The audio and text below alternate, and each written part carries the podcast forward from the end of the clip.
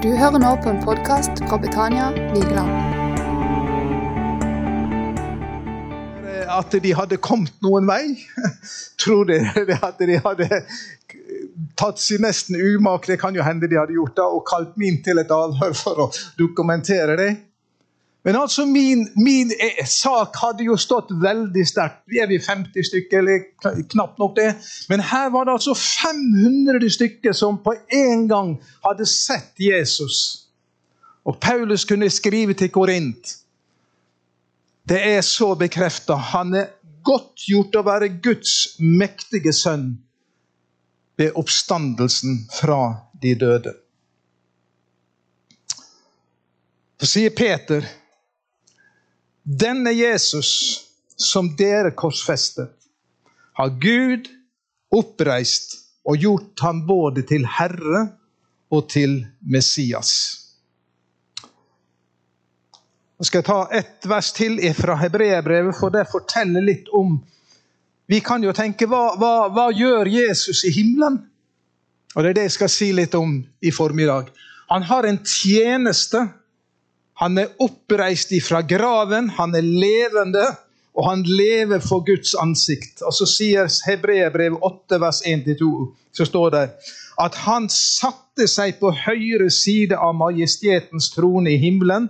Der gjør han tjeneste i helligdommen. Og Det skal jeg si litt om nå. Hvilken tjeneste er det han gjør? Og hvem er det han tjener egentlig? Jo, han gjør en tjeneste som har med oss å gjøre. Hver enkelt av oss bryr han seg om, og han har en tjeneste for oss. Og han har en tjeneste ikke bare for oss, men um, denne tjenesten den, den, vil vare ved. Og så står det i apostelgjerningene Hør. For han har fastsatt en dag da han skal dømme verden med rettferd. Det er én mann han har utpekt til det. Bekreftet for alle ved å reise han opp fra de døde.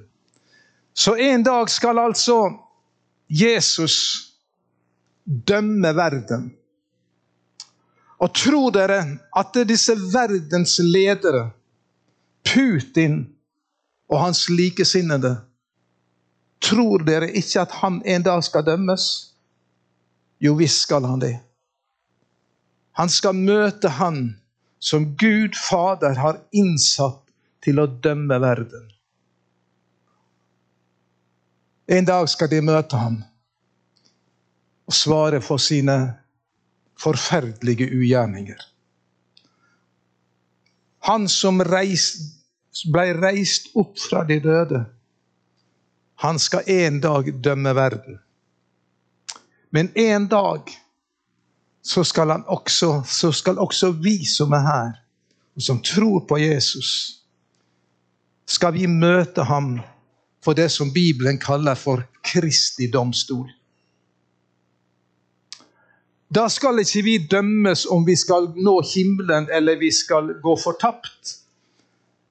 Nei, det er ikke det som det gjelder, men det som som det gjelder, det er at han skal bedømme våre liv. Det står slik Vi må alle fram for Kristi domstol, for at hver og en kan få lønn for det han har gjort gjennom sitt liv i kroppen, enten godt eller ondt.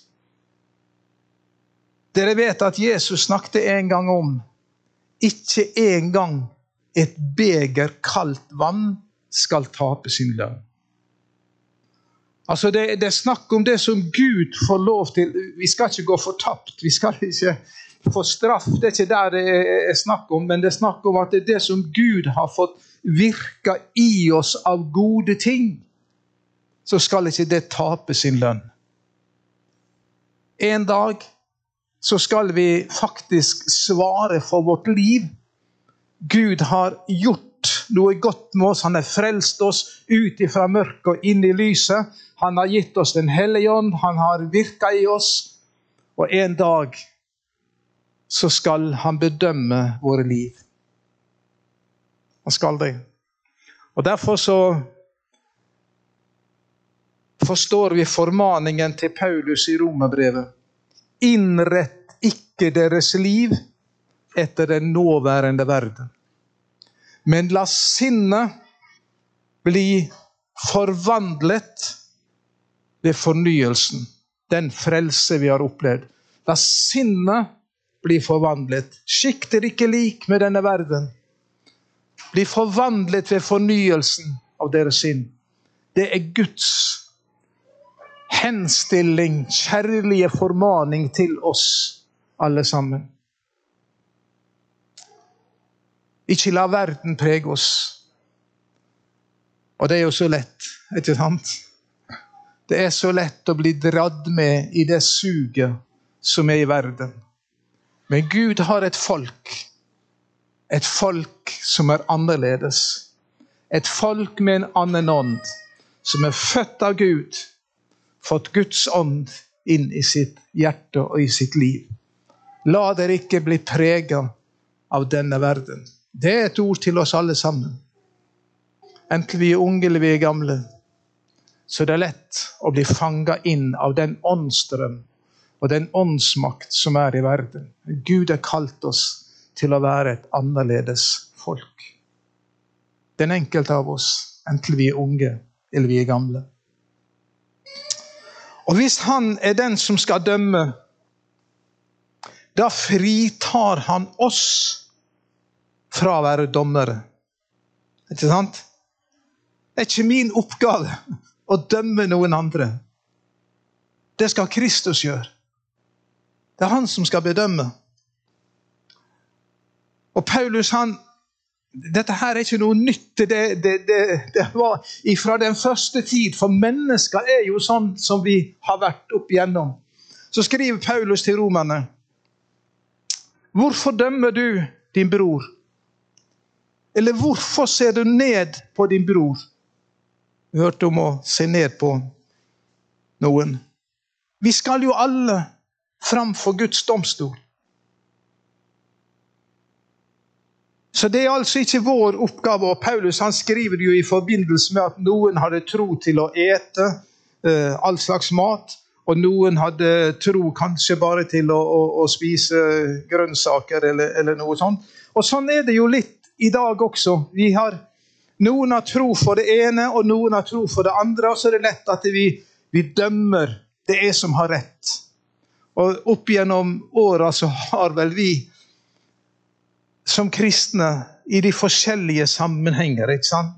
Vi er frie venner, og vi er pinsevenner. Vi vet best. Vi har det rette dåpssynet, og vi har det rette åndsdåpssynet, og vi uh, har sånn og sånn. Ja vel. Men det er ikke vår sak å dømme. Vi kan ha vår mening. Slik ser jeg det, slik er det rett. Men jeg har ikke rett til å dømme de som ser det annerledes. Og det er jo et verk av Den hellige ånd, dette fellesskapet som de har opplevd nå. Den hellige ånd river ikke i stykker Guds menighet, men, det, men Den hellige ånd den samler. Det er et verk av Den hellige ånd. Det er ikke, det er ikke vår sak. Og det, vi, Her er jo noen som er nesten så gamle som meg. eller noe. Og vi husker jo når vi ble frelst Det var ikke populært for uh, de unge damene å komme altfor pynta på møte. Og det var jo så ille at det faktisk Når jeg som ungdom ble frelst, så, så um, Når jeg så ei jente som kom med sånn fine øredobber, så tenkte jeg ja, ja, hun er iallfall ikke frelst. Kan du, kan du tenke at det går an? Men altså, det var jo litt av Ja, var det noen av dere som er litt eldre, som fikk lov til å komme på plattforma med litt lange, med, med bukser istedenfor kjoler? Det var jo forbudt. Det var jo, altså vi, vi, Da hadde ikke de gått med Gud. Nei, altså Det var jo forferdelig. Men altså, det, det er en som skal dømme våre liv. Og da har han fritatt oss for å være dommere. Sant? Dere forstår hva jeg prøver å si? Og Det er jo, det er jo en så knallhard undervisning som, som Jesus kommer med allerede i, i Matteus evangeliet. At vi, vi skulle jo ta oss i vare. Virkelig. Der sier han jo, kapittel 7, døm ikke for at dere ikke skal bli dømt. Etter dommen dere dømmer med, skal dere selv få dom. Hvorfor ser du flisen i din brors øye, men bjelken i ditt eget øye legger du ikke merke til? Eller hvordan kan du si til din bror, la meg ta flisen ut av øyet ditt, når det er en bjelke i ditt eget? Du hykler, ta først bjelken ut av ditt eget øye, da vil du se klart nok til å ta flisen ut av øyet til din bror. Altså, han, han har fratatt oss dommerfunksjonen overfor hverandre. Det er han som er dommer. Det er han vi skal møte en dag ved Kristi domstol, der vi skal få igjen det som har skjedd ved vårt liv, godt eller ondt. Det er ikke snakk om helvete eller, eller himmel.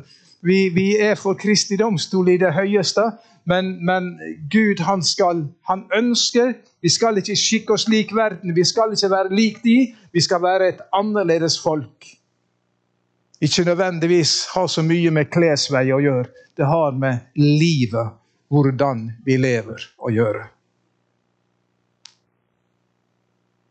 Så den ene tjenesten han har i det høye og det hellige, det er å være dommer. Det andre som han, jeg vil si litt om, det er det som skjedde på pinsedag. Da står det slik i apostelgjerningene kapittel 2.: Denne Jesus har Gud reist opp, det er vi alle vitne om. Han ble opphøyd til Guds høyre hånd og mottok av sin far Den hellige ånd, som var lovet oss. Og den har han øst ut, slik det var lovet. Altså Når Jesus døde, sto opp igjen, for opp til sin far, så gikk det noen dager, vet vi, og så øste han ut, tømte ut Den hellige ånd på pinsefestens dag. Og han sa jo til de, bli i byen inntil det skjer. For når jeg øser ut Den hellige ånd, da skal dere få kraft til å være mine vitner. Så øste han den ut, og så skjedde det som vi også hørte innledningsvis. De, eh, eller, hørte de, de, de reiste, det var noen som ble kalt. Og de, de, fikk det oppdraget å forkynne evangeliet, og de dro rundt omkring. Og evangeliet det kom også til Europa.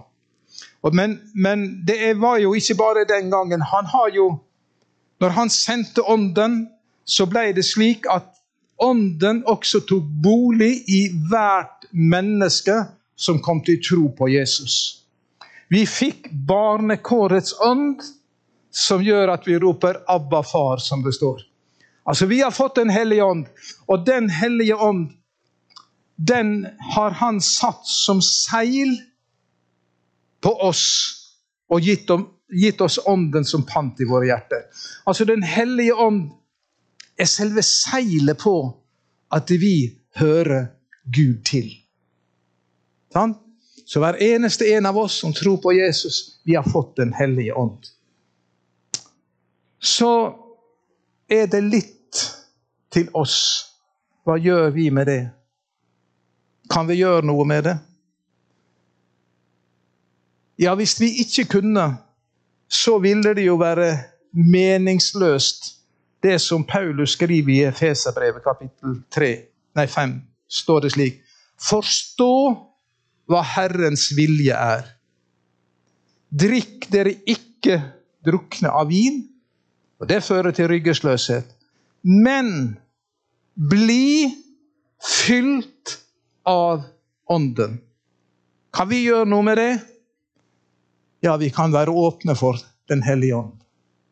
Vi kan si, 'Gud, kom og fyll meg med din hellige ånd'. Fyll meg, berør meg med din ånd, slik at mitt liv blir i samsvar med din gode vilje. Og du vet, når, eh, når Gud eh, fyller et menneske, berører et menneske med Den hellige ånd, så skjer det noe. Han skriver Paulus i Galaterbrevet Lev et liv i ånden. Da følger dere ikke begjæret i menneskers kjøtt og blod. Så vi kan slite med vår gamle natur. Ikke sant? Noen er hissige, noen er, er, kjenner på det gamle livet som vil, vil, vil liksom trenge seg på. Noen er, vi, har, vi har mye som vi kan slite med også etter at vi er blitt en kristen. Ikke sant? Men da sier Bibelen til oss her Lev et liv i ånden. La oss fylle av ånden. Åpne oss for Ånden, slik at den skaper noe av Kristi sinnelag i oss. Jeg vet ikke om noen av dere eldste her uh, Raymond Karlsen kjenner jo de fleste. Som har gått på her i, i lang tid. Bestefaren hans heter Aymar. En stor, kraftig kjempe fra Askim. Og jeg var helt nyfrelst. Bare, ja, Det var på den tida jeg ble frelst, faktisk bare noen uker etterpå. Så kom Rayman sammen med bestefaren sin Aymar til Ålesund og hadde møter. Så jeg husker han så vidt. Og Aymar forteller de om han var en rabagast. Vet dere hva det er for noe her på Vigeland? Det, det var en skikkelig røver. Og det forteller han, han, han, drakk, og han var, var, var voldsom. Han hadde, var jo så svær. Men så forteller de når han ble frelst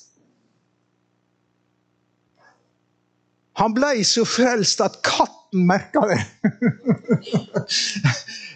For katten, når Aymar, kom igjen full og galen, som de sier, da rømte katten.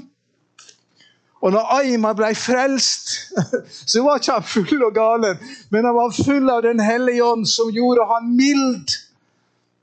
Som gjorde han uh, ja, omsorg. Han tok katten på fanget og kjæla med han, så katten til og med Der er en ny Aymar.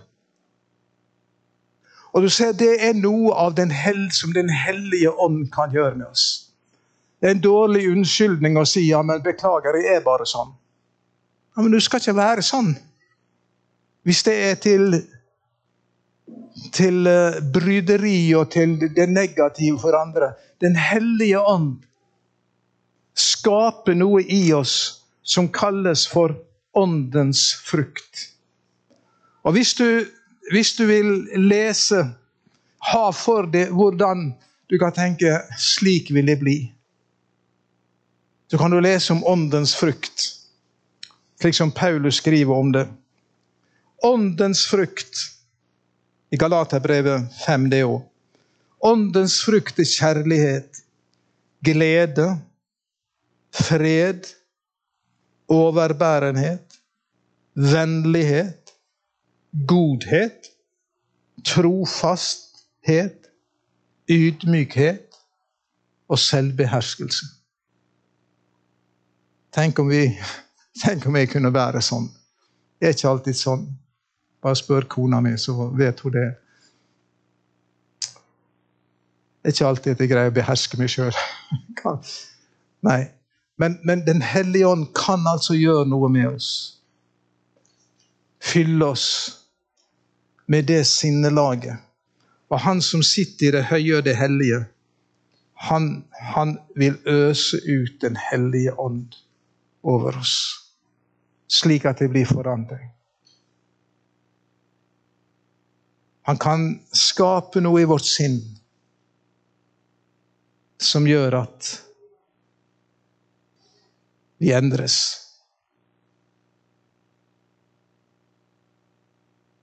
Jeg vi skal si et personlig vitnesbyrd. Det høres litt dumt ut i vår tid.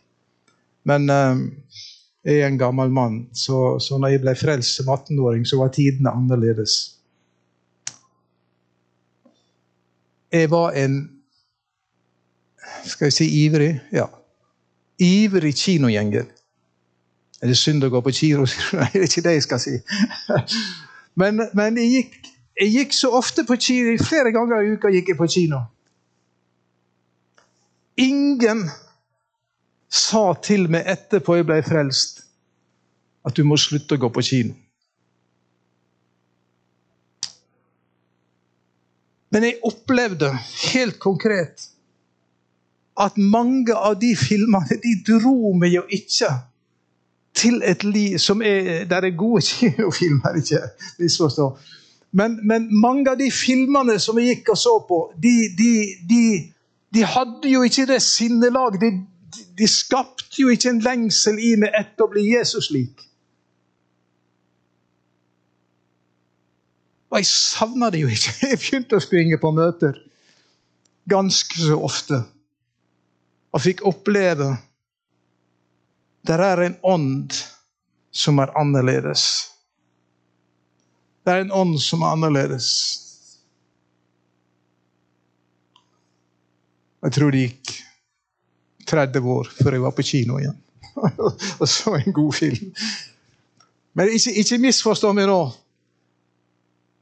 Men det som Gud gjør er, og Jeg vet ikke hva du kan slite med, for vi har noe å brytes med alle sammen. Men Den hellige ånd vil virke i oss det. Og da kjenner jeg jeg har lyst til å være fylt av kjærlighet og fred. Jeg vil være en fredens mann. Overbærenhet, vennlighet, godhet, trofasthet. Kjenner ikke du at det her det, det drar oss slik? Det ønsker vi skal fylle våre hjerter.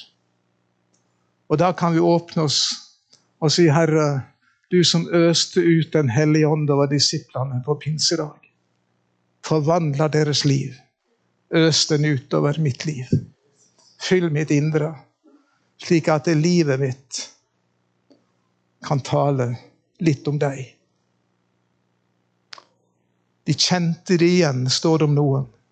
De hadde vært sammen med Jesus. Er ikke det er fint? Kjente det igjen. De hadde vært sammen med Jesus. Ja. Skal jeg fortelle en liten ting til? Ikke av meg sjøl. Men jeg var i sivilarbeid på Hustad leir. Der var vi mange, eller mange, vi var en del kristne sammen, så vi hadde jo en broderring, som vi kalte det. Så kom der en, en fra Bergen. Han skilte seg ut. Jeg var liksom valgt til broderingsleder, da. Uh, ja. Så vi fulgte jo med hverandre, og, og, sånn, og vi prøvde å samles til uh, bønn og bibellesning, og noen hadde et vitnesbyrd og sånn forskjellig. Og han der uh, bergenseren, han, han, han var litt utenom oss andre.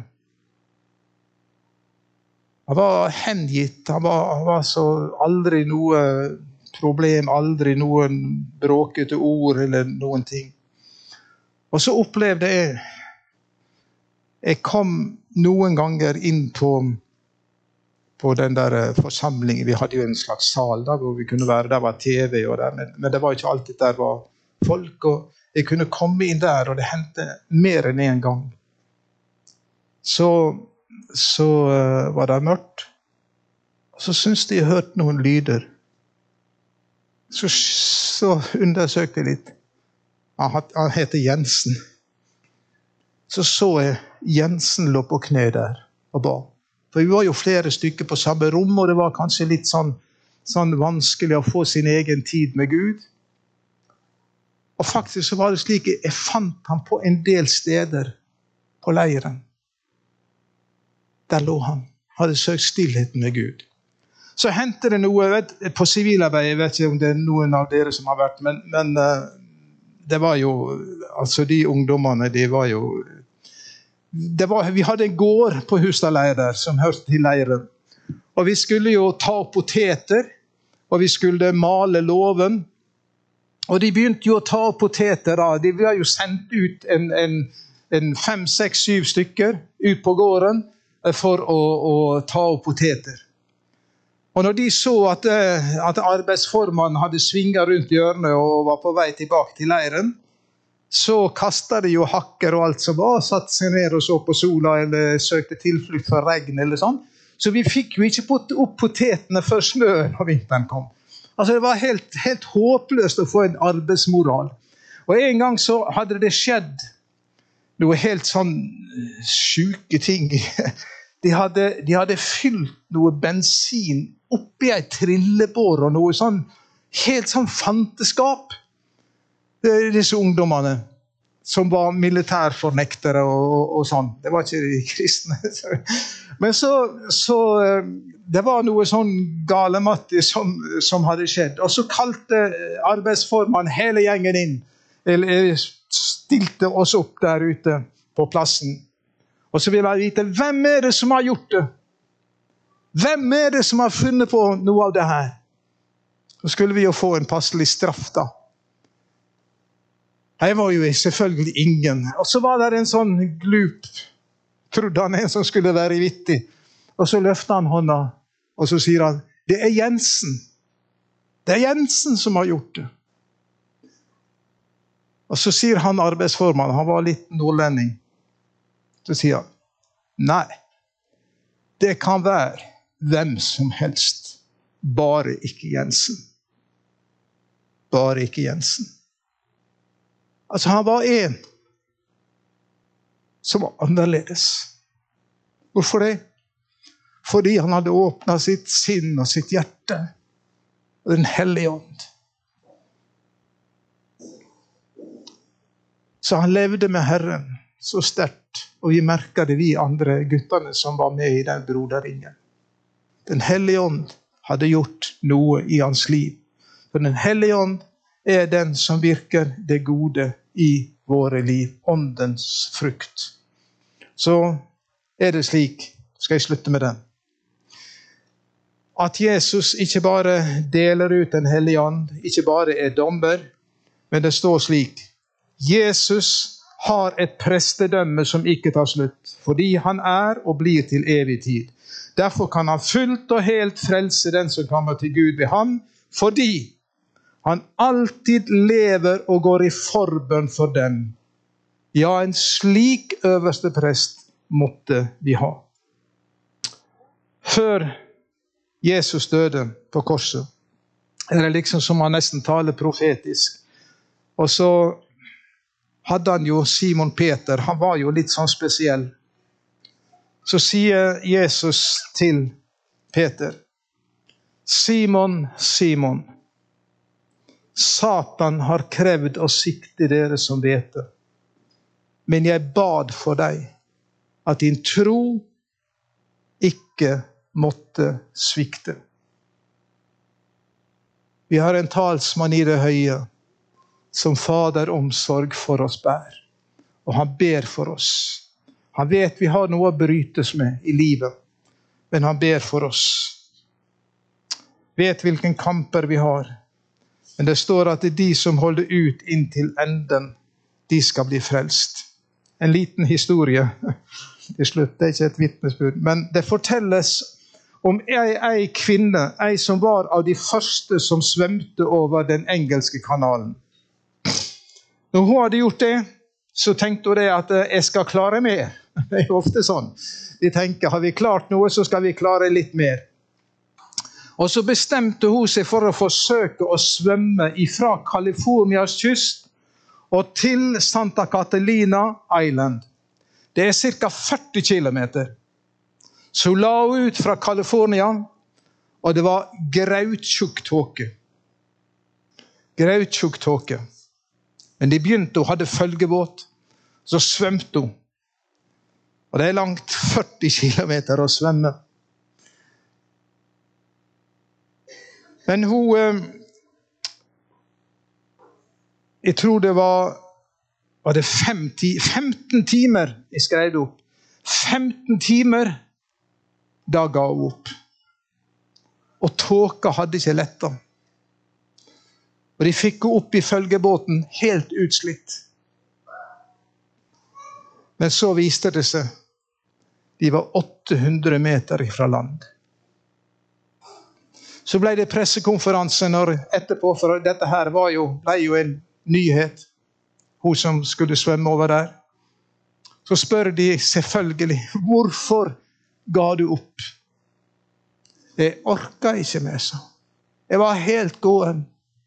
Men hadde jeg sett kysten, hadde jeg sett stranda, så hadde jeg greid det.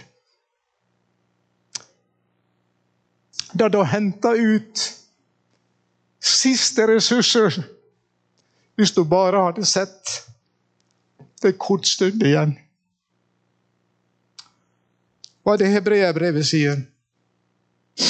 At vi skal legge av det som tynger. Synden som vil henge fast ved oss. Fullføre løpet som ligger foran oss. Med blikket festa på På hvem da? På alle de andre? Nei, ikke på seg sjøl engang, men på troens, på Jesus, troens opphavsmann og fullender. Han skal vi ha blikket på. Så skal vi holde ut. Og vi skal få leve vårt liv ved Den hellige ånds hjelp, til ære for Han som kjøpte oss med sitt blod, forløste oss og gav oss det evige livet. Med blikket festa på Jesus. Amen.